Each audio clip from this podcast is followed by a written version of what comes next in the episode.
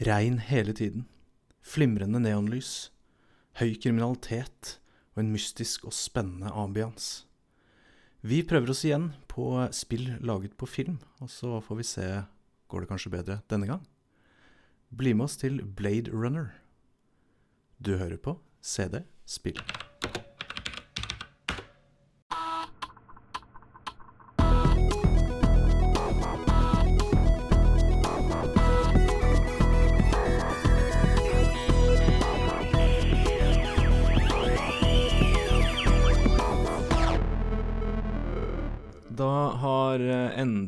Høsten begynt å krype innover landet, og det blir mørkere og kaldere. Og det betyr at vi får lov av mammaen og pappaene våre å spille mer data, fordi det er ikke så gøy å være ute lenger.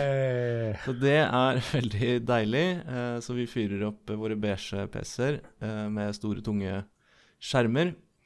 eh, Og spiller spill fra den beste spillepoken så langt eh, i eh, verden, og det er 80- og 90-tallet.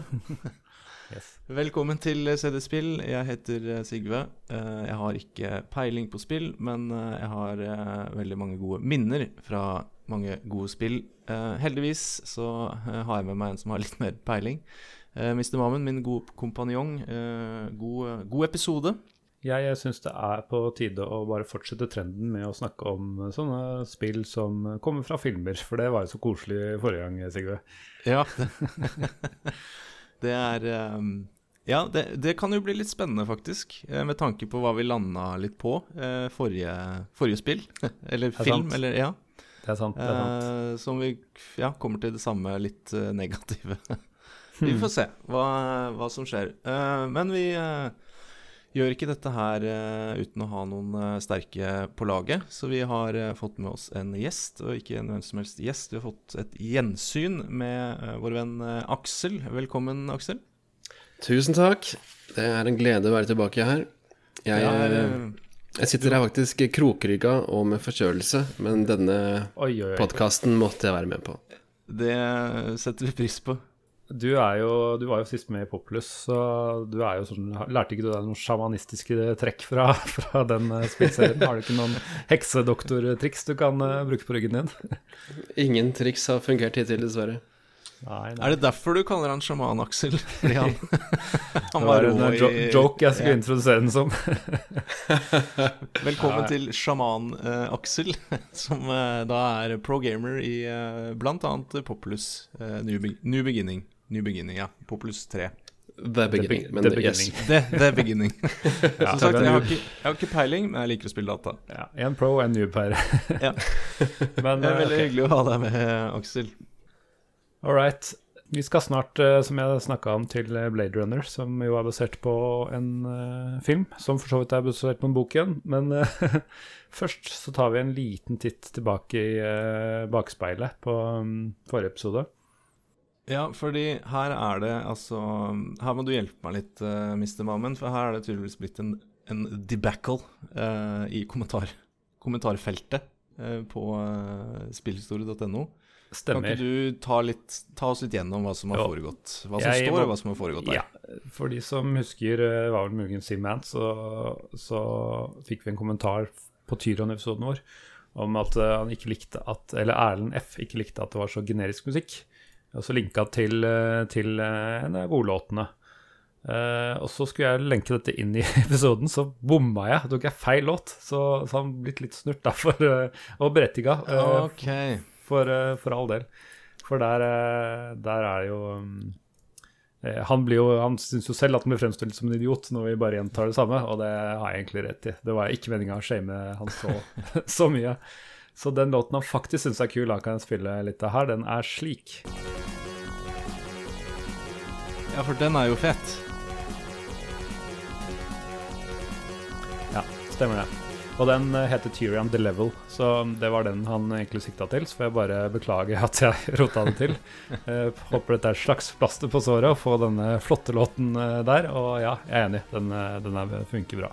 Ok, så da, da, har jeg, da skjønner jeg the- debacle og tildragelsen her. Eh, for han, eh, ja, han mente jo at eh, musikken Det var skammelig å kalle den generisk. Eh, Ja. For vi, vi syns jo det. Kanskje med unntak av menysangen, syns jeg er litt tøff, da. Stemmer. Men uh, nå ble jeg jo påminnet uh, når han da tok tak i dette, og fikk vist til den faktiske timestampen da, som, det, som dere nå hørte, hørte et lite innblikk i. Den er jo faktisk ganske fet. Ja. Så da er det to fete låter i Tyrian. Og Erlef, eh, beklager at vi rota det til. Og Ja, vi er me, for å lære mer om det spillet vi trodde vi kunne litt om. Absolutt. Så, forrige gang så pratet vi om eh, Blues Brothers. Det er jo også basert på en film, som, eh, som vi vet. Eh, Kjenner du til det forresten, Ak- Aksel? Det spilte jeg så vidt, fra. Også nabo på kan, Må det ha vært på PC, eller sånn Commodore eller noe sånt noe? Det Kjenner så vidt til det. Ja, det stemmer det. Kom på et par plattformer. Men eh, ok, vi har hatt noen lyttere som har eh, faktisk noen minner å dele. Har du, har du dem tilgjengelig, Sigurd? Jeg har de her eh, på vår eh, Facebook-konto. Eh, så har vi en eh, liten post om Blues Brothers, eller det er vel en slags repost av spillhistorie sin. Uansett så er det noen som har spilt spillet. Så her har vi, har vi Kjenner vi han her, eller Torbjørn Prøyskau? Er det, er Nei, den var ny igjen. Den var ny Ja, det tror jeg er ny, ny en. Ja, Lurer på om han liker sånn eh, Moonstone og sånn, jeg. Torbjørn eh, Moonstone Prøyskau, eh, han eh, sier han eh, heller ikke har sett filmen. Eh, ja, for jeg var vel litt sånn vag med å ha sett den eller ikke.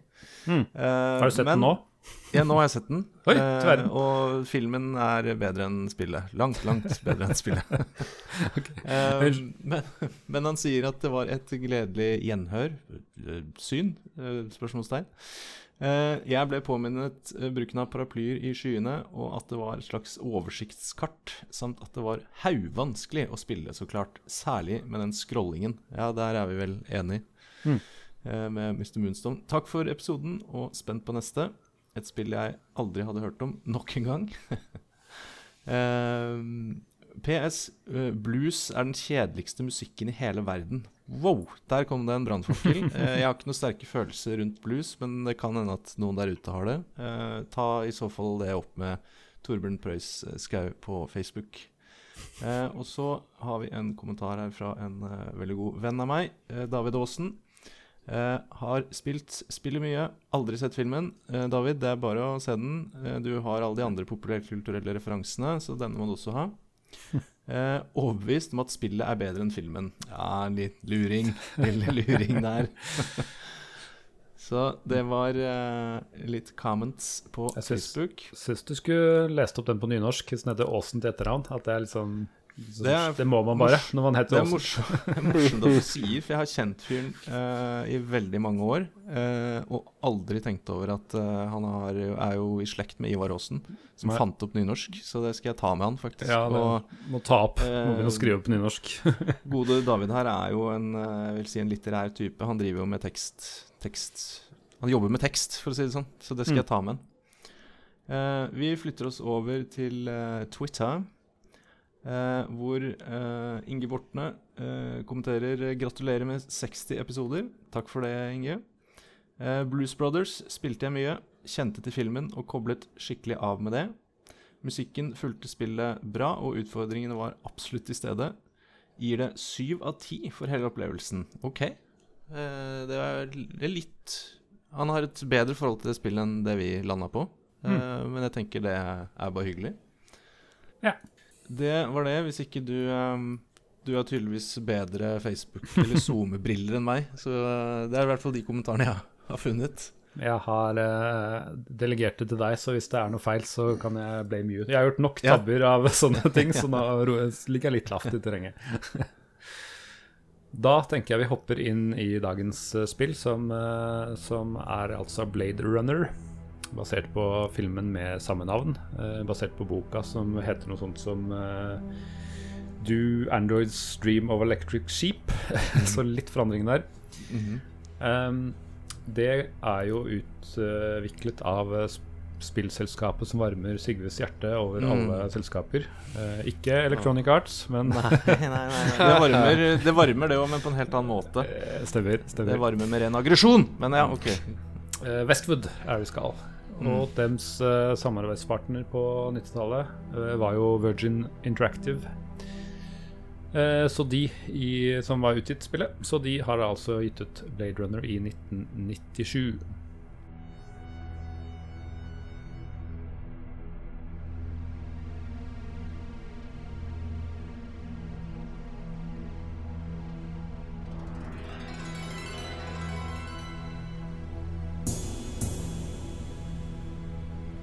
Ja, uh, dette er vel ved første øyekast et eh, pek og klikk-eventyrspill.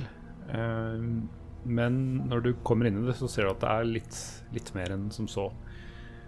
Eh, ja, Aksel, du, spilt, du er den eneste som faktisk har spilte det back in the day, for jeg har jo først spilt det nå nylig. Eh, husker du liksom noen av inntrykkene du hadde første gang du spilte det?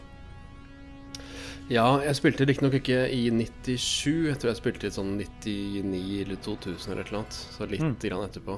Men eh, jeg husker at det var mitt første møte med Altså med hele Blade Runner-universet. Og første møte med Vangelis, mus musikken i Mm. spillet, liksom. Så det satte veldig inntrykk på meg. Det var veldig stemningsfullt. Og så som en liten eh, Eller jeg var ikke så liten, da, men som en ung kar så var det veldig imponert over dette her med ulike antallet ulike slutter på spillet og sånne ting. Ja, for det er jo elleve 11 eller noe sånt. Er jo ganske Ja, mange ulike endings. jeg, 13, jeg hørte 12 når jeg var liten, men nå leste jeg nylig at det var 13 forskjellige spesielle slutter. da Ja. Det er ikke sikkert alle har funnet ennå, vet du. Ikke sant? Forundrer meg ikke. Nei. Vi må, vi må Jeg vil være god radiohost her, også fordi hvis det finnes noen der ute i verden da, eh, som eh, ikke har sett filmen, og som hører på eh, denne podkasten, Mm. så har jeg et hjerte for de. Så eh, jeg vil bare si eh, hva er Blade Runner? Det er eh, en film som handler om en fremtid som var, er, var 2019 i LA, hvor verden Det regner hele tiden, og alt er mørkt og trist og ja, helt, helt grusomt. Og veldig fremtid.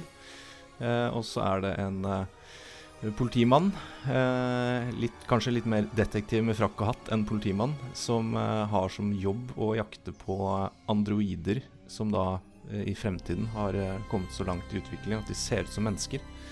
Men de eh, får ikke lov å eh, fly rundt fritt. De skal kun være på sine angitte eh, arbeidsområder. Eh, så hvis de flyr rundt eh, i eh, byen, da, i LA, så skal de Ja, de skal vel egentlig bare drepes.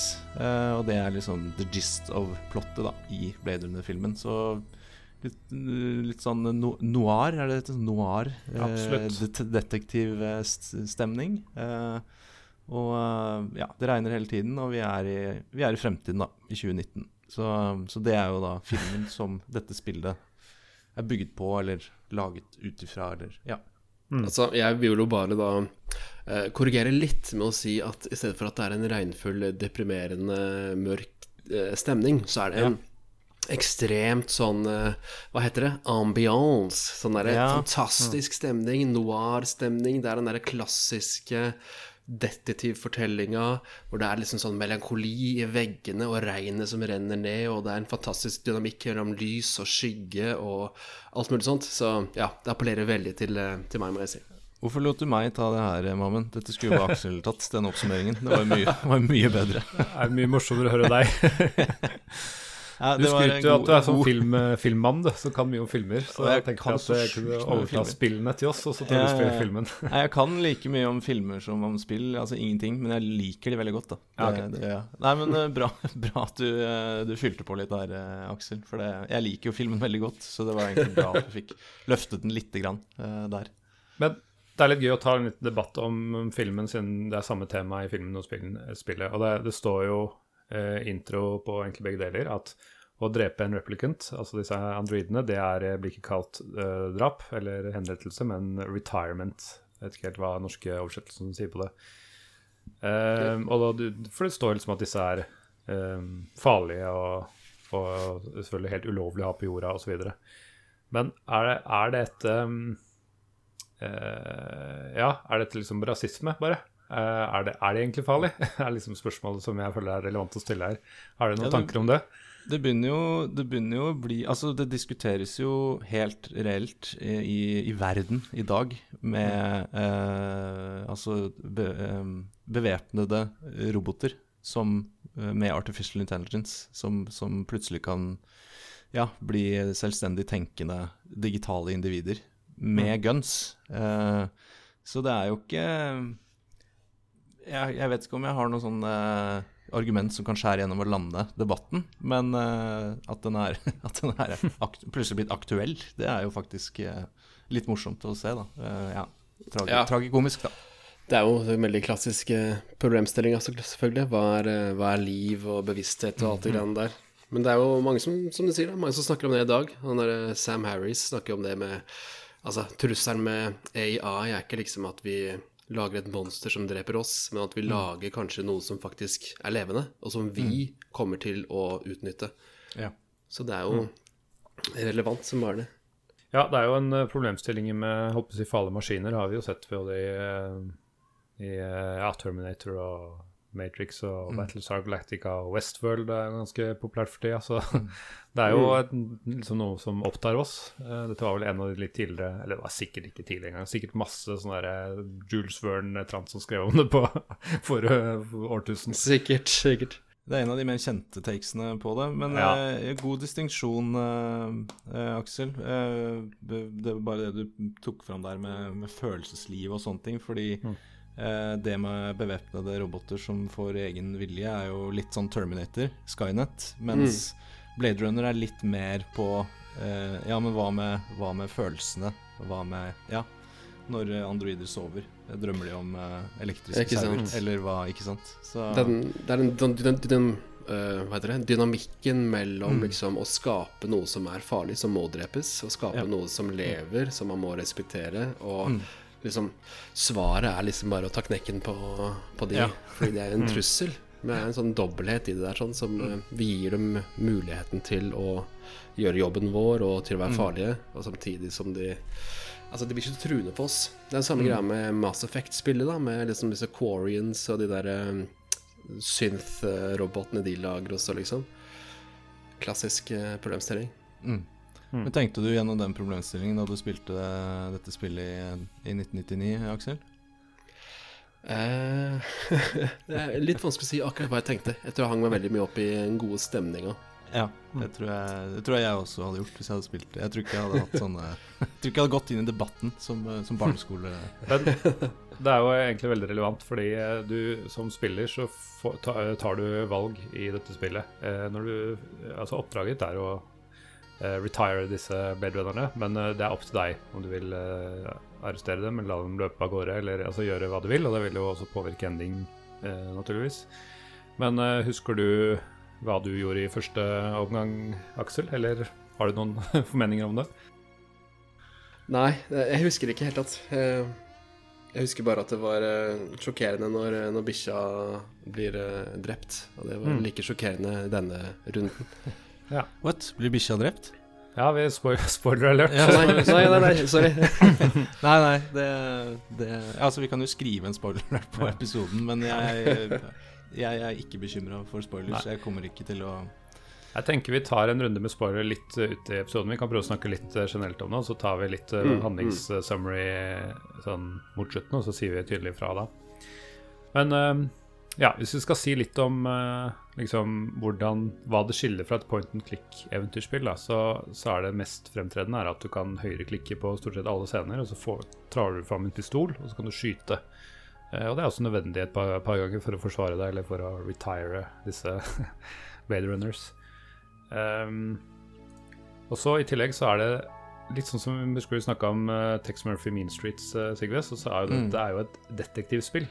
Mm. Eh, og det føler jeg absolutt at dette er også et detektivspill. Fordi at eh, du er på et åsted, du samler bevis, plukker opp ting, ser på ting, intervjuer folk. Eh, og så er det sånn at hvis du går glipp av noen clues, da Det, det går helt fint, det. Eh, da har noen av kollegaene dine ordna det, og så går du på politistasjonen, og så på en måte uploader og downloader du, altså utveksler det vi eh, bevisene som er funnet. da Så Sånn sett så er det litt opp til deg hvor flink du vil være, og det er ikke game over fordi du gikk glipp av en leder òg. Eh, Og verden går videre, da. Så hvis du har gått glipp av noe, så kommer du ikke nødvendigvis tilbake for å hente den senere. Mm. Uh, og det syns jeg er- gir en ganske levende verden, uh, som Mm. jeg syns er veldig wow, egentlig. Ja, det er absolutt. Mm. Er det noen flere ting du liksom føler er skiller det veldig fra et eventyrspill, uh, som du kommer på, Aksel?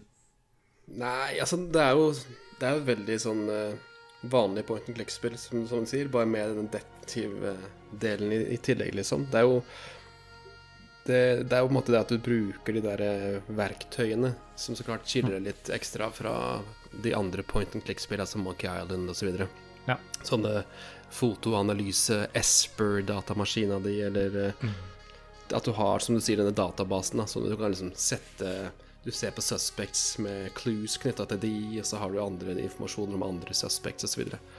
Ja, og så kan du Du kan bruke den, eh, den uh, Voight-Kampf-testen ja, selvfølgelig. Uh, ja. underveis. Den som da skal kunne skille uh, replicants, da, eller androider, fra ekte mennesker. Mm. Men hvordan fungerer den i, i spillet? Den, jeg fant ikke den gjennom, gjennom Let's Playen jeg så på YouTube. Oi, det er godt gjort å ikke funnet, for den bruker du mange ganger. Eller kan i hvert fall bruke mange ganger. Kan ikke du fortelle, Aksel, for kanskje du har um, skjønt den litt bedre enn meg? jeg, når jeg spilte nå nylig, så brukte jeg den ikke en eneste ah. gang. Ja, bare... jeg, husker, jeg, husker at jeg brukte den altså, i, i, gamle dager. Det er en sånn der nål som beveger seg, og så er det sånn kamera på, på øyet og sånne ting. Mm. Så det har jeg litt dårlig forståelse av, eh, okay. faktisk. Men eh, du bare tar forsøk, det på filen da, og skyter i ned? Eller? jeg kan i hvert fall forklare hvordan denne one oit kampf-testen funker. Eh, sånn, eller prøve, da. For um, først må du trykke på en sånn kalibreringsknapp. Uh, og så står det liksom at du må aldri liksom, override dette manuelt, men det kan du gjøre. Men problemet er at det har med hvor sensitiven er, da. Og jeg vet ikke helt hvilken effekt det har, da. For jeg skjønte aldri den delen av spillet, så jeg bare lot den stå på det autokalibreringa. Satsa på at det er greit. Og så har du valget mellom å stille liksom lett, uh, sånn lette spørsmål, litt tøffere spørsmål, sånn harde spørsmål, eller altså vanskelige spørsmål. Eh, og så vil du få en reaksjon ut fra det eh, som tyder på at en, en sånn emotional reaction, basert på om de er, eh, blir liksom opprørt. da. Mm. Og da vil det være liksom to sånne hva heter det, meters, sånn linjer. da. Så den ene er eh, human, og den andre er um, replicant. Så må du stille en seks, sju, åtte spørsmål for å få et svar. Og så er det avhengig av hva du stiller. da. Hvis du bare tar for tøffe spørsmål, så blir det liksom eh, leie og provos eller blir provosert. Så, blir, sånt, så da får du kanskje ikke et riktig svar. Og så hvis du bare tar for enkle, så får du ikke noe resultat fordi det liksom ikke gir nok mm. emotional distress. da. Så jeg pleide bare å blande litt. Da. Ta mest i midten, og så noen harde innimellom. Og ja. Og da får du forhåpentligvis et endelig resultat. Men det finnes også andre måter å avgjøre om Eh, personer er eh, replikanter, da. Eh, og det er dette det den bevissamlinga handler om, da. At du går rundt, og så finner du bevis som tyder på det ene eller det andre. og så er det ikke alltid lett å tolke det, men det er basically hva du finner hos vedkommende, eller du ransaker dem, eller ja, hva de sier og sånne ting. og det er også viktig å påpeke, som gjør dette spillet unikt, at hvem som er replikant og hvem som er menneske, det er, det er randomized når du starter spillet. Så du kan spille to ganger ah. og få forskjellige resultater. Da. Det er noe som faktisk gjør det litt gøy å spille det to ganger. Mm. Um, var det noe du var klar over for back in the day, Aksel? Uh, nei, opprinnelig så trodde jeg bare at det var forskjellige slutter ut ifra liksom noen sånne ting man gjorde underveis. Men så oppdager man jo at det er forskjellige ting i løpet av hele spillet, egentlig. Og ja. hver, altså en, en enkelt scene kan utspille seg forskjellig, som er ganske artig. Mm. Uh, altså man kan jo, Jeg skal ikke veldig stor spoiler, men det er jo tidlig i spillet så er det en scene hvor du står uh, på en sånn kinesisk restaurant. Så skal du finne en fyr bak på kjøkkenet der sånn, mm. som du skal snakke med. Og så spør han noen spørsmål, og så bare Kanskje spør han om du skal ta en Voight Kampf-test eller, eller noe sånt noe. Og da kaster han en sånn der gryte med noe varm saus på deg, og så stikker han av gårde. Og der, hvis du på en måte bare Oi, hva skjer da? Og så loker du litt, og så går du etter, så finner du den ikke. Men hvis du med en gang trykker og hopp til siden og følger etter, så vil du kunne tracke han ned og ha en, mm. Eh, liksom en eh, konfrontasjon. Altså, så i et pekk og klikk-spill så har du en, faktisk en sånn at du må reagere litt fort. Du må liksom være mm. litt framme på kanten av stolen. Mm. Det, det, er jo du spennende. Trekk, ja, Hvis ikke du trekker pistolen fort nok i en annen scene, liksom, så blir du skutt rett ned og liksom mm. Så det er artig. Kult. Ja. Men jeg er nysgjerrig eh, på eh, hvis, eh, hvis du får replicant da, på Voigtkampf-testen. Mm. Da går man sikkert ut av det interfacet, og så er det bare å henrette personen? Eller hva, liksom, hva, hva skjer da, egentlig? Hvis den slår ut som replicant? Det er en god idé å gjøre det. hvis du skal Eller det som er da, vagnene vil ta deg i to retninger. Enten liksom replikantvennlig eller, eller ikke. Og det vil avgjøre liksom, de to mulighetene du har til hovedslutt, da, kan du si. Ja. Um, men uh, du kan også arrestere folk, uh, og ofte kan ta den testen i fengsel. Men jeg, um, jeg er litt usikker, fordi jeg um, uh, Første gang jeg spilte gjennom nå Jeg har spilt det første gang gjennom nå i forrige uke eller noe sånt. Da, da tror jeg det bare var én jeg tok og tok, tok, rotta på. Og jeg var i ettertid litt usikker på om jeg egentlig var menneske eller ikke. Jeg fikk liksom ikke noen konklusivt svar på det. Du har ikke sovet, sovet siden?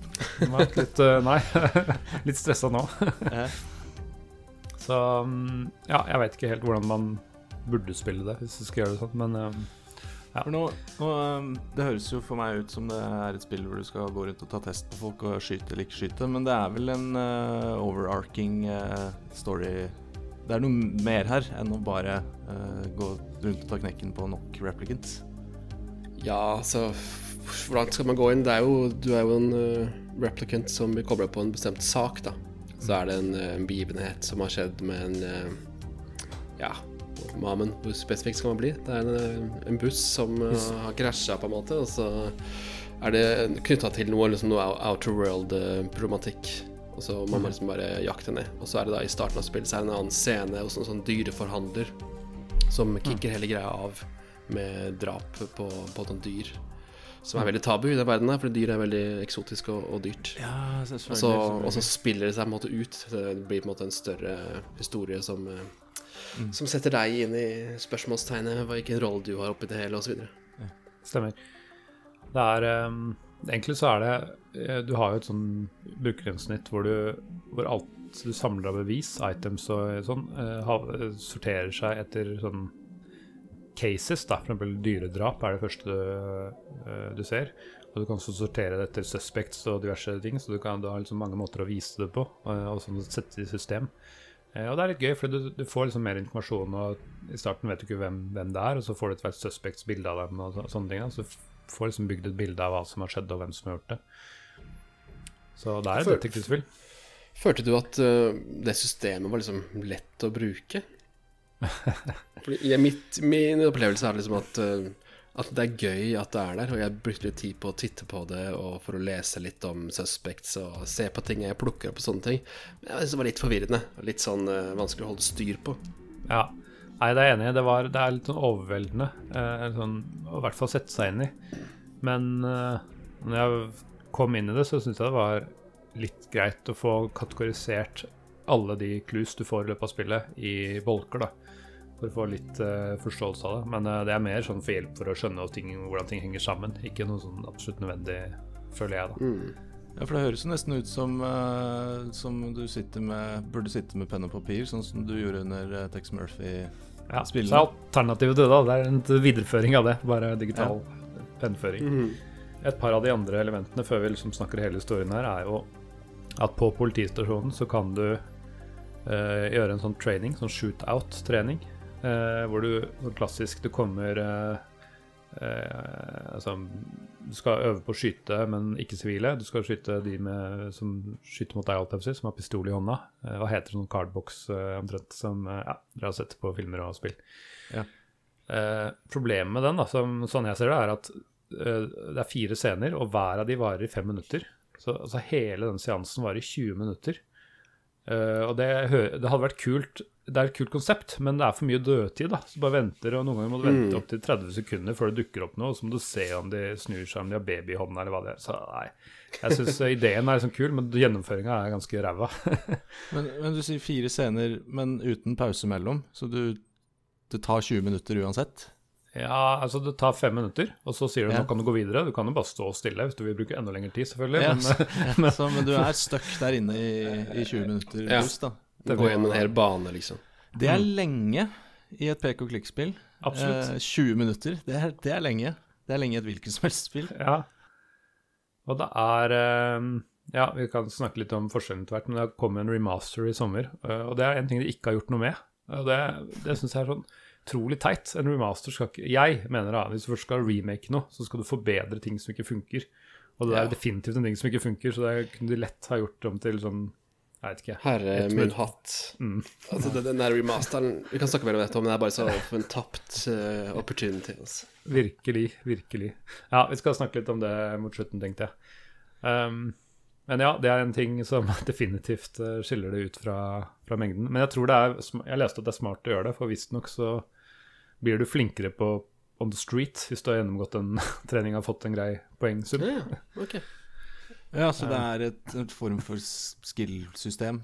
Eller et, ja, et Ja, du får en high score og noe greier som du kan se på en skjerm, og sammenligne med andre Blade Runnere. Blant annet Ja. Deckard, som eh, er fra ja. eh, filmen. Ja, det er, jeg visste faktisk ikke at det hadde en innflytelse på skillsa dine. Jeg veit jo at man, man kan også kjøpe ammunisjon og liksom eh, Ja. sånn for å på en måte kunne skyte bedre. Det er relativt neglisjerbart, men det er artig at man kan drive og tweake litt. Grann. Du har tre forskjellige ammunisjoner, tror jeg. Eh, og etter det jeg skjønner, så Jeg spilte på easy, og det er jeg glad for. Men eh, jeg tror ikke det har så mye effekt på easy. Men eh, det er visst ganske alfa og omega å mestre de greiene her på, på hard, i hvert fall. Da. Eh, kanskje på normal òg. Ja, det vil jeg tro på slutten med alle de rottene som kommer løpende. Ja. Vent litt. Et pek og klikk-spill med vanskelighetsgrad? Mhm. Det må jeg få forklart. Det er jo det som du sier, da. Det er et actionspill. Så du Ja. møter jo på altså både replicants og andre som etter hvert vil eh, Mannevonde mennesker, da. Så, eller replicants for den saks skyld. Som, og da er det fordel å ha skarpe våpen som skyter raskere enn motstanderen. Ja, ikke sant. Jeg tror ikke det er noen puzzles eh, som er forskjell på vanskelighetsgraden, men eh, nå har ikke jeg prøvd de andre, da. Vet du noe om det, Aksel? Nei, jeg tror ikke det. Jeg tror det er samme opplegget. Ja. Det er også verdt å nevne at uh, dette er jo sånn tegna bakgrunner, sånn art, men uh, istedenfor polygonmennesker så er det sånn vokselgrafikk. Uh, som gjør at de ser litt annerledes ut. Det har vi jo snakka om før. Uh, er det noen av dere som vil prøve dere på en beskrivelse av hva voksel er? Jeg skulle akkurat til å spørre, kan noen fortelle meg Det har noe med volum å gjøre, uh, veit jeg. Jeg gir meg med det.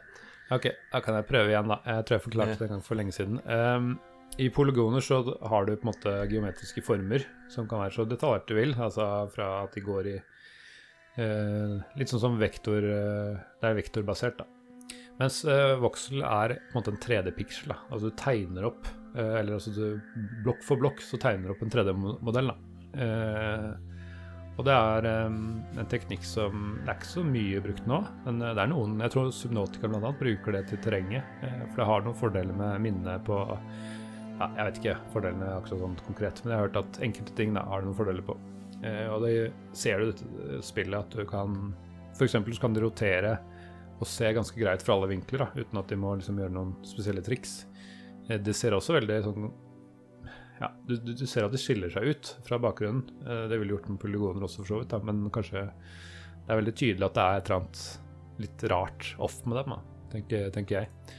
Men eh, ja, det er i hvert fall en stil som var en del eh, i bruk på 90-tallet, slutten av 90-tallet, når 3D begynte å komme, men det ble for eh, mye jobb, da. Eller altså, det ble for Trengte mye processing power å få en stor skala eh, polygonbasert character. Det var jo de, eh, altså, de som ikke hadde så sterkt grafikkort, kunne jo spille voxel-baserte spill. Sånn der Outcast Ja. Og Delta Force 1 og sånn er jo voxel-baserte spill. Ikke sant? Men jeg så en eh, relativt lang eh, Ars Technica-video med han der eh, som var med å på en måte lede produksjonen av spillet, sånn, Louis Castle. Så han forklarte jo det her grundig. Jeg skjønte jo det egentlig ikke så godt, men han snakka jo om at det her var voxel-basert, men også på en måte sånn halvveisvoksler med masse forskjellige smarte, lure måter de klarte å liksom å komprimere og komprimere og få ting til å, til å henge sammen. Oi. Så det var visstnok et veldig sånn teknisk, skikkelig heavy stykke arbeid på den tida her sånn. De brukte relativt mye penger også eh, underveis. Så de sa vel det at liksom for at spillet skulle bli en suksess med de pengene de hadde brukt på det, så måtte de selge liksom minimum 100 000 kopier. Og det var ganske mye for en point and click på den tida der. De Men- solgte jo over en million, tror jeg. Men fy søren, jeg syns jeg ser det, altså, at det har høy produksjonskostnad. Det ser liksom gjennomført ut. Hele det audiovisuelle, eller alt, hele pakka, da. Altså, jeg, jeg syns dette er det det spillet handler om for meg. Altså, jeg liker godt detektivarbeidet, og jeg liker veldig godt den der eh, fotoanalysen, sånn som du gjør i filmen, ikke sant? Ja, det er kult. Det er så kult, Det det. er sykt fett. Esper-systemet, å bruke på en måte tredimensjonal analyse av fotografier og sånne ting. Men altså, det herre ambiansen, musikken og bakgrunnene er så sykt imponerende lagd. Mm. Det er bare liksom mind blown. For liksom, det er litt pikselert som man spiller spillet i. Det er, så, det er jo fra 1997. Men man blir ganske vant til det etter hvert når man setter seg ned og spiller et par timer. Og det ser egentlig utrolig bra ut. Og har, har, har, dere merke til det f.eks. i den skytebanen, eller om man er hjemme og går ut på verandaen, eller man er på markedet med sånne dyr og sånne ting, så er det sånn en endring av kameravinkelen som er sinnssykt imponerende.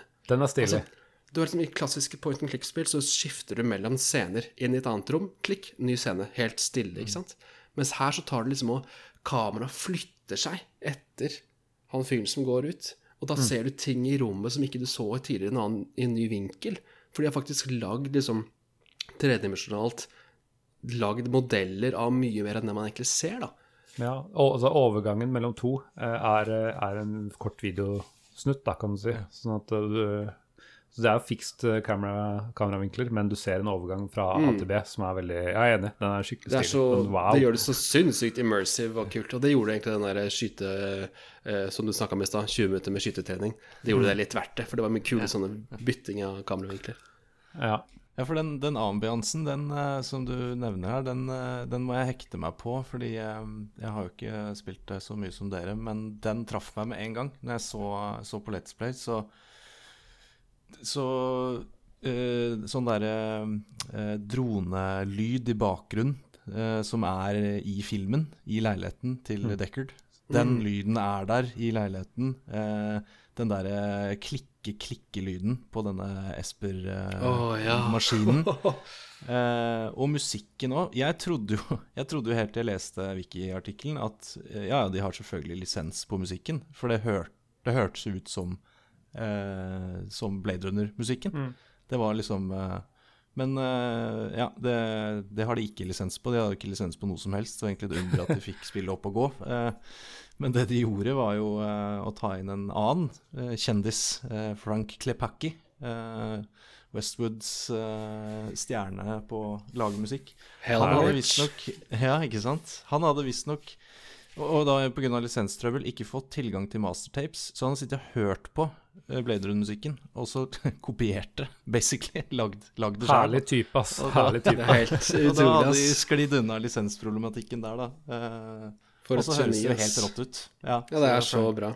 Og det, det visste jeg ikke før jeg gikk gjennom nå og leste om det, liksom. Det er helt sinnssykt bra prestasjon, Mm. I forhold til musikken, så er det bare én scene som kanskje min favorittscene er uh, første gangen du har tatt og pensjonert, for å si det sånn, en replicant i spillet.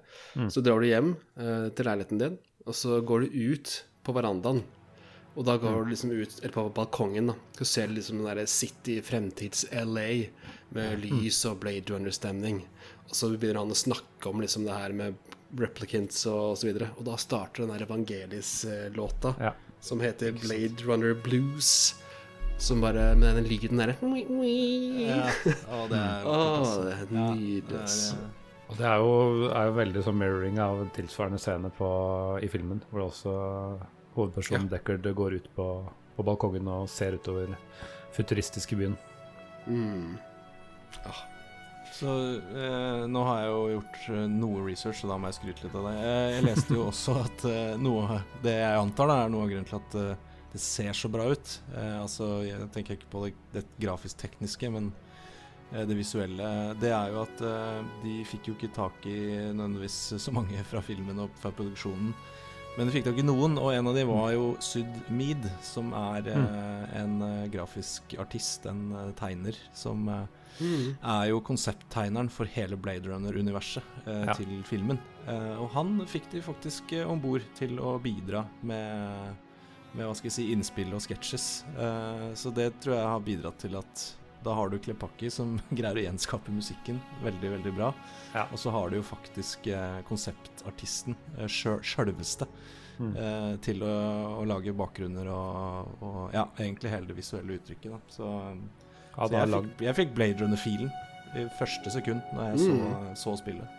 Altså, han lagde så mye kult. Han, han lagde jo eh, Tron er jeg også veldig fan av. Han mm. lagde det konseptet med ble, sånne light Ja, ja. cycles og sånn der òg. Mm. Så han er sånn sci-fi eh, artist. Ja, det er, det er uh, uavhengig av Blade Runner, uh, helt riktig. Hvis man syns sci-fi art er litt kult, bare google Syd Mead og bare, bare sluk, sluk alt. Det, han er helt, helt rå. Mm. Ja, nei, men eh, det er en ting som slår meg vanligvis når jeg spiller eh, eventyrspill, så blir jeg veldig irritert hvis det er mye sånn eh, liksom, områder uten noe som helst, da. Eh, for det, liksom, det skal være et poeng, du skal plukke opp noe, så skal du bruke det et annet sted. og Det er unødvendig backtracking er kjedelig. Men her er det fryktelig mye scener som ikke har noe egentlig poeng. Men allikevel så bare syns jeg det er herlig. For jeg liksom får en sånn helhet av det. At dette er en, det er en stor by og et stort univers som bare er kult. Så det er veldig mm, også, det, er, det er ikke noen inventory puzzles i det spillet her. Eller det er noen sånne fetch-ting og sånne ting, men det er ikke sånn at alt du plukker opp, skal brukes et annet sted, da, som jeg liksom er vant til. Så det er, ja, det gjør jo dynamikken i eventyrspillet ganske annerledes. Ja, altså angående med, med scenene og sånne ting altså, Det er utrolig mange scener. Altså Mm. Sånne locations man besøker. Jeg prøvde å søke det opp, men jeg fant ikke noe svar på det. Men det må jo være altså, titalls Det må nesten være hundre mer forskjellige sånne Mm. locations som man beveger seg gjennom. Hvis du sammenligner det med Monkey Island, liksom, så er det helt sinnssykt mye. Enig. Ja, det er Altså, fryktelig mange. Og så er det sånn at det, det, man møter jo flere og flere scener i løpet av spillet, og nærmere man kommer slutten, jo mer kobla sammen blir alle de ulike locations man har vært på i løpet av spillet. Mm. Så før måtte man liksom kjøre bil fra punkt A til B, men da kan man plutselig løpe. Fordi verden blir bare mer knytta sammen gjennom å oppdage det. Det er utrolig kult. Mm. Det åpner hele tiden nye veier da, til å gå, istedenfor å, å bare måtte kjøre fra to u, uavhengige islands, liksom. Mm. Mm. Riktignok en veldig kul eh, altså, grafisk opplevelse å sitte i den bilen med lyden og de duppedittene på frontpanelet og sånne ting, men eh, kult at byen vokser litt uten utenom å bare hoppe fra A til B. En ting som slo meg eh, Jeg må innrømme at jeg spilte dette spillet, så jeg ikke, hadde jeg ikke sett denne filmen på over ti år. Mm. Jeg huska bare de groveste elementene, men så så jeg den på nytt da, i, etter jeg hadde spilt spillet. Eh, og det er fryktelig mange scener og personer de har eh, som, som gikk meg hus forbi, da, men som er gjenskapt sånn veldig detaljrikt. Sånn Chinatown og, og flere steder. Så det syns jeg var rimelig kult når jeg innså at det var en connection der. Mm. Jeg kan også nevne at dette foregår parallelt med filmen. Eh, og det ser du Altså, det er referanser til filmen hele tiden. Eh, for eksempel så søker han Tyrell, eh, han som har lagd disse replicants, og da sier han som Ja, jeg hadde jo fortalt jo dette en annen eh, Blade Runner tidligere i dag, så da henvist til noe som skjedde i filmen, og, og så videre og så videre. Så det er en sånn parallell historie som eh, er en fin måte å gjøre det på, istedenfor å Hvis de først skal unngå liksom å gjøre det samme igjen, da. Ja, jeg er helt enig. Jeg husker jeg spilte liksom eh, hva, altså, hva het den der eh, første av de nye Star Wars-filmene? Det spillet som kom til den, Phantom Menace. Ja. Du spiller omtrent hele filmen, ikke sant. Spilte jeg det her i stedet, så er det liksom en sykt kult sånn parallell historie. Hva er er beskrev det som en uh, sidequel til uh, Ja. Istedenfor prequel, så er det en sidequel til, Mm, side til filmen. Ja, for det, det, det handler jo ikke nødvendigvis om lisensproblemer. Det er jo rett og slett et skikkelig smart trekk de har gjort for å lage et spennende spill. Eh, for da Mm. er du i Blade Runner-verden, men du vet fortsatt ikke hva som kommer til å skje. For det er ikke storyen fra eh, filmen. Så det er jo, syns jeg er veldig kult. At de bare gønna på der og lagde en egen story. I, ja, en sidecool, rett og slett. Ja, det vokser jo liksom eh, Altså problemet ikke sant med replicants og deres ønske om å få til ting, det, det vokser på en måte. For det er ikke bare én hendelse, det er liksom flere hendelser som henger sammen, og, og så videre. En ting jeg eh, la merke til, var han eh, hovedpersonen heter eh, Skal jeg hva han heter Ray eh, McCoy. Og jeg syns alltid han høres så ut som Mulder. At det er sånn Mulder-preg over, over han stemme- stemmeskuespilleren. Altså Jeg vet ikke er David Duchovny som har, uh, har voiced men jeg syns han har et sånn derre sånn preg som uh, for så vidt kunne vært passende casting, det, altså. Ja, det er litt sant, det. Den derre humor eh, Tørr humorvittighet også. Ja, kanskje vi skulle snakke bare begynne på spoiler, og så gå gjennom historien sånn i, i trekk og det mulige utfallet og sånn. Skal vi begynne på det nå? Jeg skriver ned når eh, spoileren slutter i eh, episodebeskrivelsen, så de som ikke vil eh, ha spoilers, får heller eventuelt spole så langt. Eh, ok, Har du lyst til å prøve deg på en um, plott-sammendrag, Aksel? uh, ja, altså, du kan gjerne skyte inn underveis. Men det Ja. starter jo med at han godeste McCoy blir kalt inn til en sak fordi det er en eh, fyr som heter Runsitter, som driver en uh, dyrebutikk med ekte dyr, som er jo som sagt veldig, veldig dyrt og verdifullt. Og han blir angrepet av en gjeng med, med gærninger. Uh, og det er da raskt mistanke om at dette her har noe med replicants å gjøre. Så godeste McCoy blir satt på, på saken. Og da spinner man det fort av gårde derfra til eh, at man blir kjent med politistasjoner og Hva heter hun derre partneren? Steele Steel heter hun. Jeg har brukt litt Steel. tid på det. Og hun Den, eh, eh, kom, kommer deg til unnsetning ganske mange ganger i løpet av spillet. Den sigarettrøykende, harde, solbrillebærende politidama. Tr Trinity. Ja, omtrent. Og så skjønner man fort at uh, dette er knytta til et annet eh, En sak som Steele har jobba med, da. Som handler om uh, The Moonbus Landing, er det ikke det det kalles? Noe sånt. Så det er en sånn derre En eller annen type buss eller et eller annet fra månen til jorda. Det er ting som ikke beskrives veldig tydelig, som er hijacka og har krasja i LA et eller annet sted.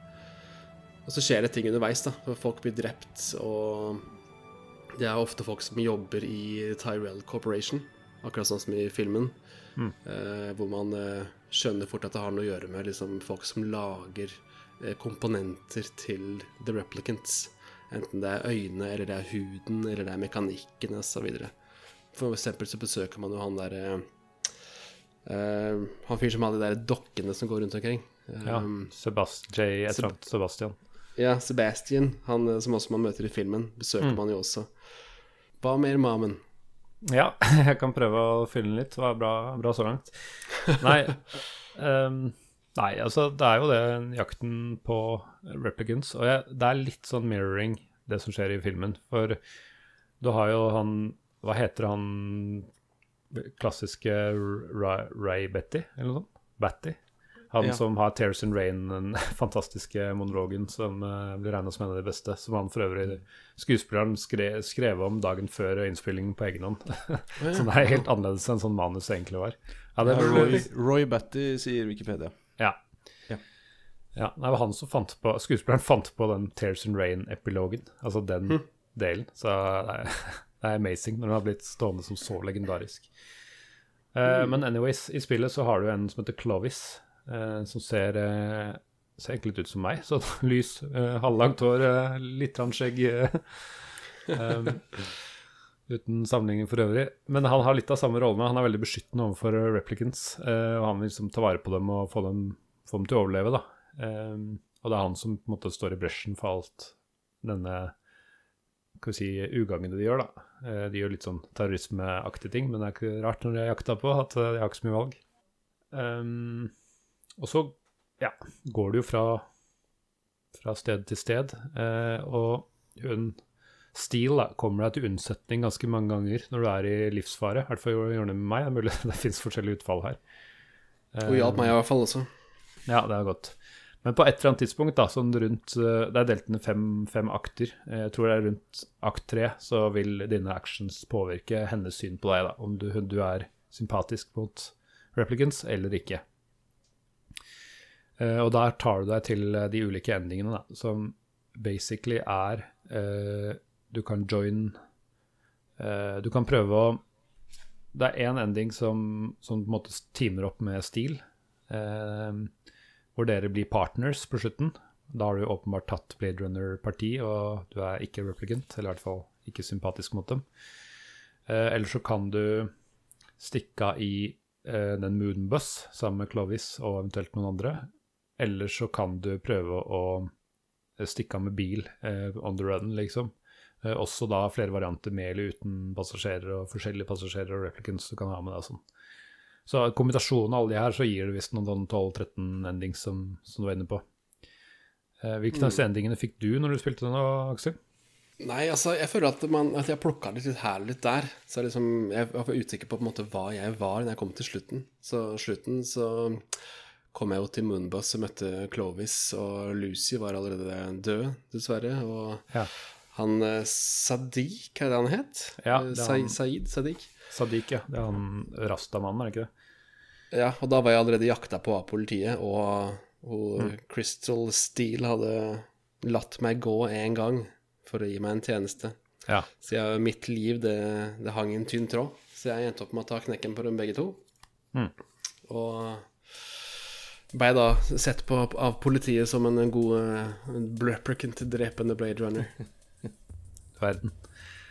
Ja.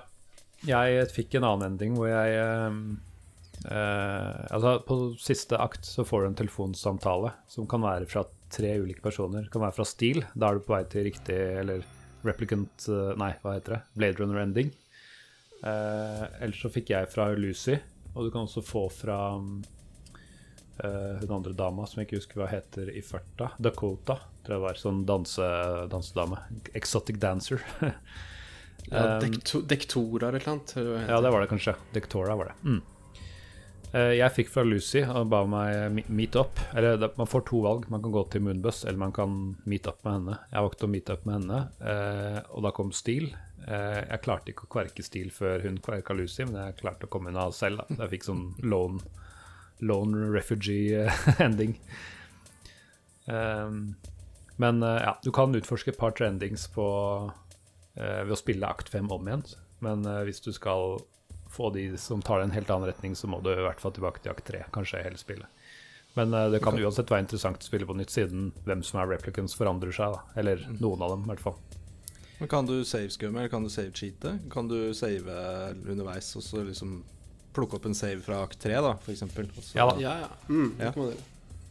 Absolutt. Men jeg veit ikke hvor, hvor tidlig du må, må tilbake for, å, for at hun skal gjøre opp sin mening. Men det har vel sikkert med hva du gjør med replicants. Da. Mm. Og hvis du først har spilt én, så går det litt fortere å spille neste gang. Du vet liksom hva du skal gjøre. Um, Mm. Så sånn sett så er det kanskje verdt det, i hvert fall siden du får potensielt helt andre Spesielt akt 3 her, er, skjer ting i veldig ulik rekkefølge. Og hvem som gjør ting, forandrer seg en del, la jeg merke til. Så jeg så en playthrough etterpå. Mm. Så det er litt stilig. Og også, det- som, ja, som du nevnte, hunden, hunden din, den uh, går det ikke så bra med. Men uh, hos meg så endte den opp død i, i heimen, på en måte. Ble skutt hjemme. Men uh, det går også an å få den så jeg på playthrough at den, den blir uh, blasta på slutten, sånn live foran deg. Oh. Nice. Men det er jo kjempetrist, for det er jo det lille jeg har fått med meg her, er jo at uh, han uh, McCoy Mm. Eneste grunn til at han nesten tar saken, var fordi da kunne han få ekstra betalt. For da, hvis han fikk ekstra betalt, så hadde han råd til å kjøpe en companion til hunden Mm. sin. En, Ja, det er trist. Ja. Så eh, ja, det ble ikke noe av noen av delene, da, skjønner, skjønner jeg. Nei. Men det er jo i tråd, det med eh, Det regner og det er depressivt, var det ikke det jeg sa? ja. Ambiance, ambiance. Ambiance, ambiance. Det er også neonlys. Masse neonlys, det er sant. Maggie, bikkja, altså. Ja. Altså, jeg var jo på vei til jeg måtte bli en slags eh, Blade Runner. Nei, jeg måtte bli en eh, replicant. Jeg ble oppringt av Clovis og så videre. Men det var noe som skjedde med meg mentalt. Altså, Lucy døde. Jeg klarte ikke å redde henne. Og da døde Maggie, og da bare knakk jeg sammen. Så da endte jeg på å bare skyte replicantsa. Men jeg har lest at man kan, liksom, man kan være sånn replicant-vennlig. Og liksom samle alle replicantsa om bord på, på The Moonbus. Klar til å dra av gårde for å redde huset. Stemmer. Og så bare kan man trekke pistolen og ta knekken på alle sammen. Og da kommer Crystal Steel og bare I didn't know you got it in you. Ja, så da bytter du liksom på slutten, da. Siste, Ja, du siste kan bare. Nå er alt trygt, folkens, har redda dere. Og så bare Nei. Så det er jo heavy, heavy greier. Det spillet her er mørkt. Det er mye mørkere enn filmen. En annen uh, morsom aspekt Nå tenker jeg vi kan være ferdig med spoilere hvis ikke vi kommer på noe mer sånn på tampen. Mm. Eh, en annen morsomt aspekt er at du kan velge i menyen hvordan du skal svare folk. Eh, du kan være polite, normal, surly eh, og erratic. Du kan også velge, velge sånn selv. Da får du opp en meny over hva du skal, skal si. og det er litt Det er veldig merkelig. å få, å få de valgene om hvordan oppførsel du skal ha når du prater med folk. Ja, Så du velger ikke sånn klassisk setningen du skal si? Du velger stemninga du skal formidle? Altså, det siste valget er user eh, altså, altså du velger selv. Da får du liksom et par-tre stikkord om hva du skal snakke om. Men ellers, ja, så velger du bare hvordan du skal oppføre deg, så, så slipper du å være i sånn dialogtrær eller, eller sånn type Ja. ting. Da. Det er litt spesielt, ja. Nei, jeg, jeg, landa på og user choice etter hvert. Jeg syns det var um, artig, og litt, men litt rart. Du så liksom det derre uh, det, det er ikoner som viser ansiktet på han der McCoy, i forhold til liksom uh, hva slags personlighet han har og sånne ting. Men uh, jeg syns det var greit å bare kunne velge litt klassisk. Ja, jeg er enig i det. altså. Jeg uh syns Jeg liksom følte at jeg mista for mye kontroll over altså, hva som skjedde hvis jeg ikke kunne velge selv. Eh, og så er jeg litt usikker på om du eh, ved å ta det valget kan risikere å f.eks. ikke Voight Kampf-teste folk, eh, fordi at det- din behavior gjør at du ikke skal det, og dermed få en eller annen path jeg ikke var, du ikke ønska å havne på. Jeg vet ikke. Det var en tanke jeg fikk. Det er helt sinnssykt mye variabler i et ganske gammelt spill her. Det er imponerende. Ikke bare grafikken, men det underliggende også. Mm. Mm. Ja, nei, så det er rikt spill, og det at det er eh, Ja, at det er så mye tilfeldigheter som blir satt eh, av variabler i starten, gjør jo at det er ikke ofte man vil spille eventyrspill om igjen, men her er det jo faktisk kanskje verdt å ta en titt da, på, på to ulike utfall. Um, men eh, det kom jo egentlig fram til det at det, dette ble det var uspillbart, holdt jeg på å si, i mange, mange år. Det var utilgjengelig, i hvert fall. Um, så For et par år siden så kom Scum VM med implementasjon for dette. Uh, og da eh, fikk de to liksom, bonus features som ikke gikk i utgangspunktet. Um, det ene var at de kunne få subtitles. Uh, da må du bare laste ned en fil, og så får du et ekstra menyelement. Uh, det andre uh, er at de fant en del sånne der, um, Det kalles vel restored content. altså de fant ubrukte assets da, som var kutta ut av en eller annen grunn. Da. Så la oss kalle det en director's cut, da, som, så du får en litt lengre gameplay. Eh, og dette er den versjonen som, spill, eh, som selges på, på GOG, eh, og nå etter hvert på Steam. Da. Mm. Men Så- eh, da må jeg spørre, hvorfor eh, spiller du GOG Scum VM-versjonen når det fins en remaster som man kan kjøpe på Steam? Det, Ja, mye, det må da være mye bedre? Et godt Ja. spørsmål. Godt Ja. spørsmål. Det kom jo en remaster i sommer. Det var litt sånn derfor vi kom inn på dette spillet, for du tipsa oss om det, Aksel. Jeg hadde kanskje Ja, hørt om i- det, men uh, I ja, min du- naivitet så la jeg ut en veldig positiv melding om at det var en remaster. Jeg prøvde å spille det etter jeg hadde spilt den originalen en gang, nå i, i eh, forkant av episoden. Har har du også prøvd det? Ja, jeg, jeg tenkte at jeg skulle ta en ny runde, men jeg kom meg ikke gjennom hele spillet. Altså, jeg ble litt så skuffa, må jeg si. Ok, få høre dine tanker, så skal jeg dele mine straks. Ja, altså Kort sagt så er det jo Det er jo på en måte sånn Det er friskt nytt men menybilde, og liksom de gjør noen småting med menyen, den derre KIA-menyen som man har alle cluesa sine i, og sånne ting. Eh, Det gir litt sånn I starten av spillet, kan du, sånn som du snakka om akkurat, med å velge personlighet. Det er et alternativ i, på menyen. Mens eh, i det tidligere spillet så er det litt sånn utydelig egentlig hvor du velger den funksjonaliteten. Så det er jo fint. Og så har de på en måte glatta ut, eller prøvd å gjøre høyere oppløsning, og liksom få det til å se penere ut. Men problemet er jo at dette er jo en sånn hva kaller det? Det er ikke widescreen, det er jo gammeldags, det er sånn boks, ikke sant? Ja, ja, 4-3, ja. ja, nettopp. Så det at da ramma inn det i en sånn merkelig eh, grafisk ramme de lagde, som de syntes var veldig fin, og så har det liksom I stedet for å egentlig gjøre grafikken bedre, så er den bare glatta ut. Så at ting går smoothere, men detaljnivået er redusert. Noen ganger er det greit, i noen scener er det kraftig, at det er dårligere, liksom. Og det er utrolig sånn deprimerende. Og det, hva er da vitsen, liksom? Nei, jeg tror jeg leste at det var stort sett AI-oppskalering på alt sammen. Altså sånn, Uansett hvor bra AI du har, så er det liksom begrensa hva Du får jo bare, som du sier, glatta ut et bilde. Ja, da, man kan jo ha litt høyere krav til en remaster, som faktisk selges var det, De la jo ut for var det 1990 det kosta når det kom ut? Ja, akkurat det husker jeg ikke. Men eh, ja, eh, jeg er enig du burde hatt høyere, høyere krav til den. De har jo ja, ja, Det er kanskje bare klassisk PR-bransjelukking, men de har jo sagt at uh, ok, dette var en katastrofe. Vi jobber med, eller De har lagd én patch, og de sier de skal jobbe, jobbe med flere patcher til å, til å fikse ting. Men uh, Ja, det er litt om at Ja. når du trykker launch-knappen, så bør du være ganske trygg på at det er bra. Altså. Ja, man kan ikke være altfor negativ. Altså, folk gjør feil og alt mulig sånne ting, liksom. Men det ser ikke ut som det her er så mye som kan fikses ved en enkel patch. Nei. Og så henger det jo også sammen med forløpet her at GOG solgte jo den klassiske Scum-varianten, ikke sant? Som er på en måte blitt uh, jobba fram på amatørbasis. Folk som har Ja. lyst til å skape noe kult. Og så kommer det en ny spill som skal selges remaster, så blir den gamle versjonen liksom pakka bort, ikke lenger for salg. Ja. Men nå, etter at de fikk mye dårlig kritikk, så har de jo da endra på det, så vidt jeg forstår. At kan, du kan kjøpe den gamle versjonen igjen. Du er bøndla. Når du kjører, kjøper remasteren, så får du med originalversjonene. Så du får eh, launch option. Ja, det stemmer. Jeg tror kanskje bare at de hadde De kutta ut salget av den gamle. Og Ja, la det den hadde som ikke forundra meg. Ja. Men at de nå har endra på det. Men nå ble jeg litt Ja. usikker. Ja. Det er i hvert fall litt sånn ja, dårlig stemning rundt det der. Jeg tror den er bøndla, ja. Så får de i hvert fall Mm. solgt den remasteren sin, da. Fordi folk egentlig vil ha originalen på Scum ja. Kjøp det på GOG hvis du skal ha det. Nei, jeg må si at jeg er egentlig enig i at det er mye Eller det som er bra, de voxel uh, Altså characters, de syns jeg faktisk er en genuin forbedring. De er høyere oppløsning og ser litt bedre ut, syns jeg, da. Mm. Eh, men alle de bakgrunnene som du sier, det er uh, mye dårlig arbeid der. Eh, jeg har sett en sånn comparison på YouTube. Jeg syns ikke alle scenene er dårlige. Eh, jeg syns det er noen som faktisk ser bedre ut, men det er mye som Og det er en del sånn tåke- og lyseffekter som faktisk ikke ser så verst ut. Men eh, totalt sett så er det også mye som ser ganske ille ut, ja. Som bare er smøre, litt sånn smørje.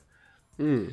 Så sånn litt mixed. Men eh, det i seg selv kunne jeg kanskje levd med, men det er så mye bugs i det. Spesielt f.eks. når du går de kule transitions du snakka om, fra en scene til en annen. Der henger voxel-modellen igjen når det skjer. Når han ble- eh, McCoy setter seg inn i, i speederen, eller spinneren, eller hva det heter, så, så ser du sånn, modellen gjennom animasjonen oppå, det er så mye sånne rare glitches. Immersion. Immersion, ja. Det blir ganske drittfort. Men aller verst av alt, som er grunnen til at jeg muligens grunnen til at jeg ikke fullførte remasteren, det var at to ganger så opplevde jeg at jeg tok den der Voight Kampf-testen, og når jeg fikk kon eh, kon konklusjonen, jeg fikk svaret, så bare hang spillet seg. Det- Jeg hadde ikke noen muspeker, jeg kunne ikke trykke escape, jeg kunne ikke gjøre noen ting. Så da måtte jeg bare slutte av. Det er ganske rått. Det er Ja. ganske rått, faktisk. Det Så det er jo bittert. uspillbart, da. Kan ikke, ja, da må du spille på en viss tid. Er Aldri teste folk. Nei, så sånn bugs uh, i tillegg, det gjør det at det, det krever ekstremt mye patching for, å, for at jeg skal kunne gi noe tommel opp til den. ass. Så mm, Men da er det jo bra at uh, GOG har uh, en, Mm. den spillbare versjonen. hadde jeg visst det, så skulle jeg spilt, uh, spill, altså spilt gjennom nummer to med restored content istedenfor for med remasteren. Men, men. Kan ikke vite alt, og tre ganger orka jeg ikke å prøve å spille gjennom der. Um, ja. Så det er litt synd, for um, det er som du sier, det er mist opportunity. Det, det er mye her som, kunne, som er kult, som de kunne gjort enda kulere, sånn som for eksempel den shootouten kunne de, eh, kunne de forbedra, eh, og flere andre sånne ting. Men eh, jeg tror nok det jeg tror nok det kommer en patch, og jeg tror nok noen av sånne glitches som blir fiksa, men jeg kan ikke altså de, Jeg tror ikke de kommer til å fikse det sånn at det blir et mye bedre spill, sånn totalt Nei. sett.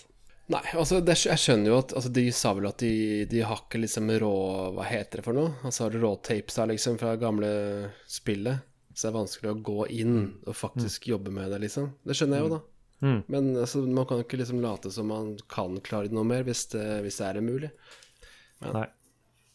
Nei, og jeg ga jo litt av samme kritikken for uh, Grim Fandango, selv om jeg syns den remasteren er mye, mye bedre. At uh, jeg syns de også der kunne gjort mer, da. For eksempel eh, fått, fått det til widescreen, eller uh, ja, mange ting de kunne gjort da, som ikke ble gjort. Så det er litt sånn trenden i dag, at man skal gjøre en remaster for å ha det så likt som mulig i originalen. Men det, jeg er mer fan av en ordentlig remake, hvor du liksom gjør noe ordentlig nytt da, hvis du skal selge et nytt spill, istedenfor å bare smøre på litt ny, ferskere maling på samme gamle spillet. Ja, jeg enig. Jeg syns f.eks. Baldur's Gate 1 og 2 remasterne var gjort på en veldig god måte. Det er ikke alle som er enig i det, men jeg syns det var et godt stykke arbeid. Ja, det går an. Og Command and Conquer er vel også et eksempel på en sånn, Mm. en sånn som skjer en gang i skuddåret, eller ikke det engang. At eh, ja, i hvert fall med tanke på at EA lurer i skyggene her. Eh, men det var jo Jeg syns det var en meget god remaster, og det tror jeg det er flere på internett som syns også. Så det går an. Ja, det går an. Det er noen som får det til. En ting jeg tenkte på, bare, som jeg alltid syns har vært litt sånn kult med filmen også, er liksom Verdenen syns jeg er veldig sånn rik og, som jeg sier, ambiance. Mye liksom eh, God følelse. Men jeg syns det er kult å tenke på liksom for eksempel når han der eh, Tears in the Rain-scenen, ikke sant, med Snakker om verden ute i verdensrommet, hva han har opplevd. Krigene de har ført mot uh, hvem, liksom? Altså, hva er det som skjer? Fordi verden er så lokalisert i LA, en politistasjon, en detektiv, og så er det så mye som ikke liksom er synlig. Og det er på en måte utrolig kult, men så blir jeg så sykt nysgjerrig på liksom, hvem er det de kriger mot? Er det aliens, liksom, i verdensrommet? Er det andre menneskekolonier? Hva er det som skjer der ute? Og ja, det er bare sånne ting jeg har i, i bakgrunnen Ja. som er så, gjør meg veldig nysgjerrig. Det er et godt poeng. Det er veldig sånn jeg håper å si hermetikkboks, eh, det vi vet om, eh, om lederne. Vi vet om bitte litt av hva som skjer inne i Los Angeles, og det er vel stort sett det. Ellers så vil jeg bare si at um, jeg spilte her sånn, så tenkte jeg på Jeg tenkte på Spycraft, The Great Game. Gamle spionspillet hvor du spiller en CIA-agent. Fordi dette er de to spillene som jeg har spilt som har sånne detektivelementer, hvor du bruker liksom analyseapparater og ser på bilder, og gjør analyse av de, og jobber med clues, som jeg syns var litt kult. Nei, jeg har ikke spilt Spycraft, men det, det er jo kult notert, for jeg liker jo liksom litt av, eh, av typen uh, uh, gameplay her. Ja. Det er stilig. det er jo, Gammelt. Det er released uh, i 1996, så kanskje vi skal uh, skrive oss det bak øret, uh, Mr. Mammen. Mm, det syns jeg vi skal. Vet vi at jeg har en, en som kjenner til det bedre enn oss eh, på laget også. Ja, jeg har, jeg har et- ikke, riktignok ikke spilt det helt ferdig, for det ble litt vanskelig etter hvert. Men eh, kanskje noen andre har spilt det ferdig. Ja, Men, ja, eh, men jeg syns også at et spill her, Blade Runner, minner meg også om Disco Elysium på en kul måte. Fordi du får den der opplevelsen av personlig utforskning samtidig som du er detektiv som utforsker en sak. Jeg har brukt mye tid på Disco Elysium nå i det siste og liksom drukna i den sinnssykt bra spillet som det er. Og jeg fikk noe av den samme følelsen med den der replicant-dynamikken. Hvem er man i verden, liksom? Veldig bra. Ja, Disco, Disco Elysium det har jeg liksom hatt litt sånn i sidesynet eh, en del år, tydeligvis. Jeg ser her eh, 2019, ja. Eh, så det, men du anbefaler det litt med den oh. ambiansen? Seriøst, ass. Ja, snakker ambians. Så mye ambians. Du, jeg, jeg Ja. grein to ganger. Jeg lo høyt. jeg satt og spilte det spillet. Jeg Det er noterer meg eh, eh, Disco. Elysium. sender vi tydeligvis har hoppa inn i Fins noe tilsvarende i dag, som egentlig er det vi pleier å ta opp det her. Er det noe, ja, Har du enda flere anbefalinger? Den siste jeg tenkte på, det er Mass Effect. Altså, Vi kommer jo tilbake til Syd Mead, som har inspirert Mass Effect veldig også. Og liksom Mass Effect-spillet er jo ikke sånn som Blade Runner-spillet. Løper ikke rundt og skyter på den samme måten. Det er actionspill ikke på en helt annen type måte. Men lydbildet minner meg veldig. Utrolig ambisiøs, eh, kul eh, stemning i Mass Effect-spillet også, med, med lydbildet. Og så er det det at du kjører rundt på de samme type bilene som ligner veldig på hverandre. Så jeg, jeg hadde de, de tre spillene i bakgrunnen jeg spilte spillet. her. Uh, jeg må innrømme en ting. Uh, jeg har eh, vært nysgjerrig på Mass Effect i mange år. Aldri spilt det. Eh, så der var den Oh. ute. Eh, og, Og sa, samme diskolysium. Og eh, Nei, altså Mass Effect det, har jo, det er jo overalt hele tiden. På Mm. internett og alle Det er ikke måte på. Og så har jeg liksom bare aldri liksom kommet i inngrep helt. Aldri Så grunnen til at jeg blottlegger meg, da, kler meg fullstendig naken eh, for alle våre lyttere og, og, gjest, og gjest, det er fordi jeg lurer på, uh, Aksel, siden du da har et nært og kjært forhold til Mass Effect, hvilken Mass Effect skal jeg spille først? Hvor skal jeg begynne? Spør du en hardcore uh, Altså en completionist, spør du Eirik, spør du kona mi, Melisbeth, så er det eneren, toeren, treeren. Spør du Ja, meg, så bare spill toeren. Spill toeren. Spill toeren. Ja, Du kan spille er toeren og eh, ingenting annet. Det er så bra. Da eh, er det inn på Steam etterpå. Uh, nei, jeg er en casual gamer som bare skal ha det gøy, så jeg Mm. trenger ikke 1, 2 og tre i rekkefølge. Da, da blir det toeren på meg. Very good. Ja, det er egentlig bra. Jeg, tror jeg kjøpte noen trilogi eller noe sånt, og så orka jeg ikke å komme, i, komme inn i Jeg begynte vel på eneren, men uh, jeg tungt, orka liksom altså. ikke å komme inn på det, så jeg la det litt på hylla. Uh, og det er egentlig litt det samme Disko Lysium jeg har også kjøpt, men uh, da var det andre Da tror jeg det var denne podkasten her som gjorde at jeg ble litt distrahert, så man kanskje skal plukke opp det igjen. For nå er det jo Det kommer jo en sånn voice-update, eller om det var en remake, eh, i fjor, tror jeg det var. Så det går jo Ja. Nå er alt voisa. Og jeg prøvde to ganger på Disko liksom før jeg kom i gang, så det krever litt. Ja. Nei, jeg syns det var interessant, men det var litt tungt, det også. Så, men eh, ja, det er kult. Har du noen tips, Sigve, til, eh, til eh, noe tilsvarende i dag? Ja, det har jeg jo. eh, og det er også er jo eh, sluppet stappfullt av bugs. eh, ting som antageligvis ikke lar seg fikse med patches. hype. og det er jo, det er jo Cyberpunk, punk, cyberpunk ja. 2077 eh, som eh, Jeg er litt sånn Jeg kjøpte det ved release. Jeg trodde ikke på hypen, men jeg syns det virka som et kult spill. Jeg hadde lyst til å prøve det. Eh, så jeg er litt sånn delt om jeg burde refunda det eh, for å liksom støtte eh, Hva skal jeg si Støtte at man ikke slipper spill som ikke er spillbare.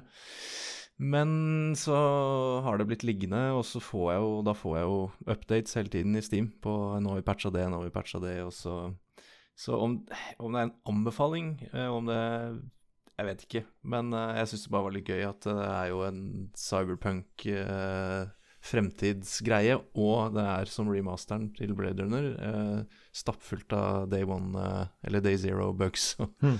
og ja, tidvis uspillbart. Så en litt spøkefull anbefaling fra meg der.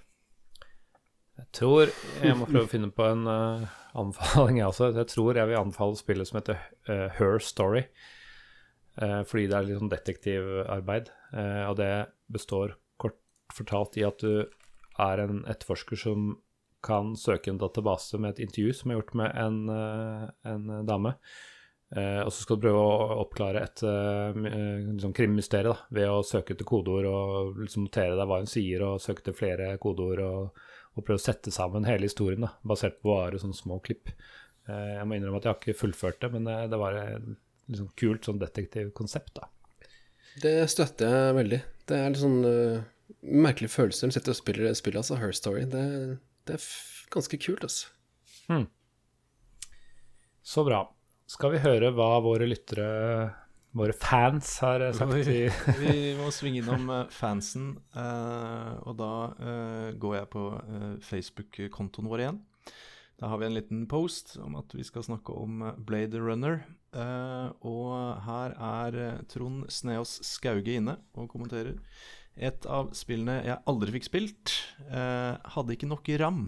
16 megabytes krav. Eh, og det Hei. Altså, eh, det- jeg husker ikke hvilket år jeg hadde hvor mye ram, men jeg, jeg er ganske trygg på at 16 megabyte, det var dritmye i 1997. Så Ja. ja. Ja. Jeg, eh, men eh, som han sa, jeg har veldig lyst eh, på spillet etter å ha fått anbefalt i databladet Tekno. Eh, ja. og han er spent på om vi mener det har holdt seg, så det kommer vi, det kommer vi snart til, eh, Trond. Åh, ja.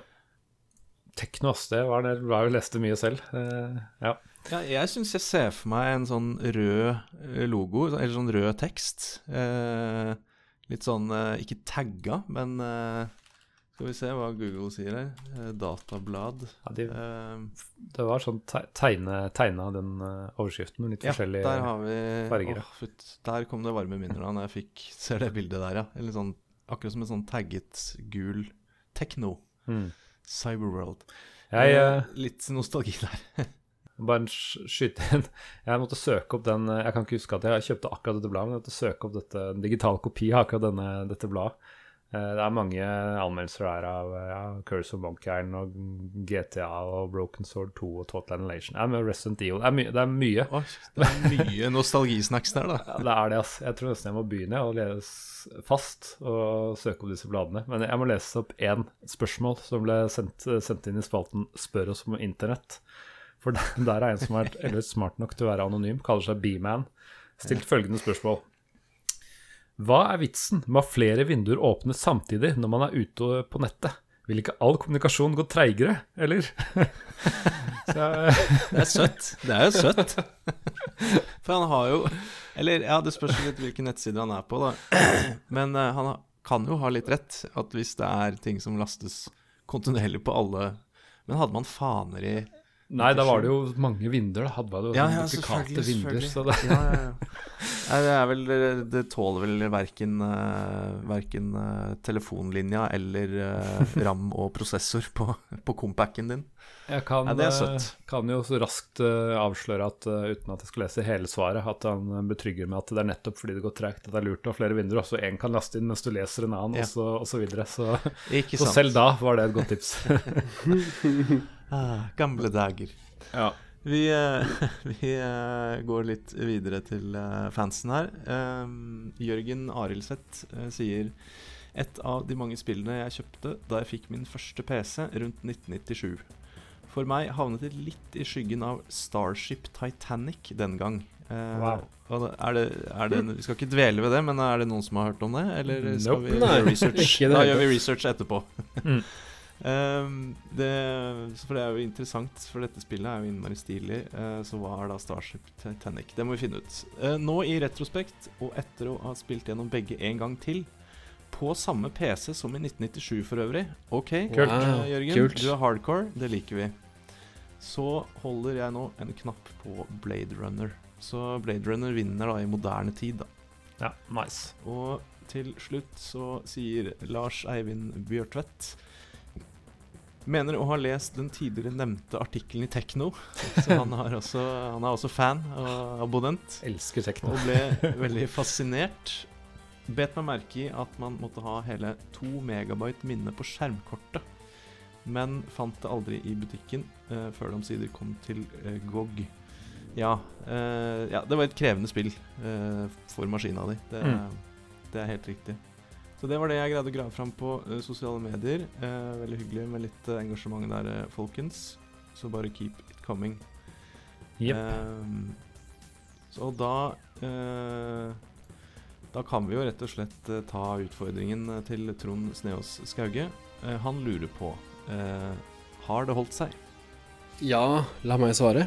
Eh, jeg vil si at uh, som spill så er det et helt ok point and click-spill med noe artig detektivmekanikk. Det er ikke sånn at det er så sykt imponerende i dag, den delen av det. Slutten av spillet er litt treig, det trekker det litt ned. Helt, helt på slutten er det ok, men siste del er litt svak. Men totalpakka med opplevelsen av verden, det grafiske, det lydbildet og enkelte deler av detektivarbeidet gjør at det er eh, ekstremt kult å spille fortsatt. Så det har holdt seg, men eh, det er jo et gammelt spill, det vil jeg si. Men eh, det får tommel opp fra meg. Mamen? Ja, gamle spill er det vi snakker om her, så vi må alltid ha, se det i den konteksten. Ja. Eh, nei, altså jeg vil nesten si eh, det samme, fordi jeg, jeg syns jeg, Altså, jeg har ikke spilt før. Eh, Jeg spilte første gang jeg begynte, når det kom på GOG, eller jeg husker om jeg fikk støtte Det tror jeg jeg nevnte på podkasten for to år siden. Um, men eh, jeg fullførte det nå som eh, vi ble enige om å ta dette. Um, jeg syns det er kult. Uh, det er litt altså, point and click-sjangeren er jo litt treig, og det merka jeg at den var litt tung å komme inn i. Eh, men jeg syns det var kult med de nye effektene, eller altså med, de, de tingene som ikke er ren point and click. da. At det er sånn detektivspill, og du må teste folk, og du kan skyte folk, og du kan liksom, gjøre en del andre ting. Um, og så er det jo litt frustrerende med at du må huske å save, fordi du kommer i farlige situasjoner. Um, så det må du bare lære deg. Det er ikke sånn at du dør rundt hvert eneste hjørne, men, uh, men det er veldig kjipt hvis du liksom har spilt en time, og så får du en game over fordi du Ja. Så lær deg Ja. det som en vane, må jeg nesten bare si. Men gjør du det, og kommer liksom inn i det, jeg syns det er kult. Det, eh, det er kul atmosfære, ambiance og, Ambiance. og ja. eh, Kul story og kult med different endings, og det går faktisk an å spille det igjen.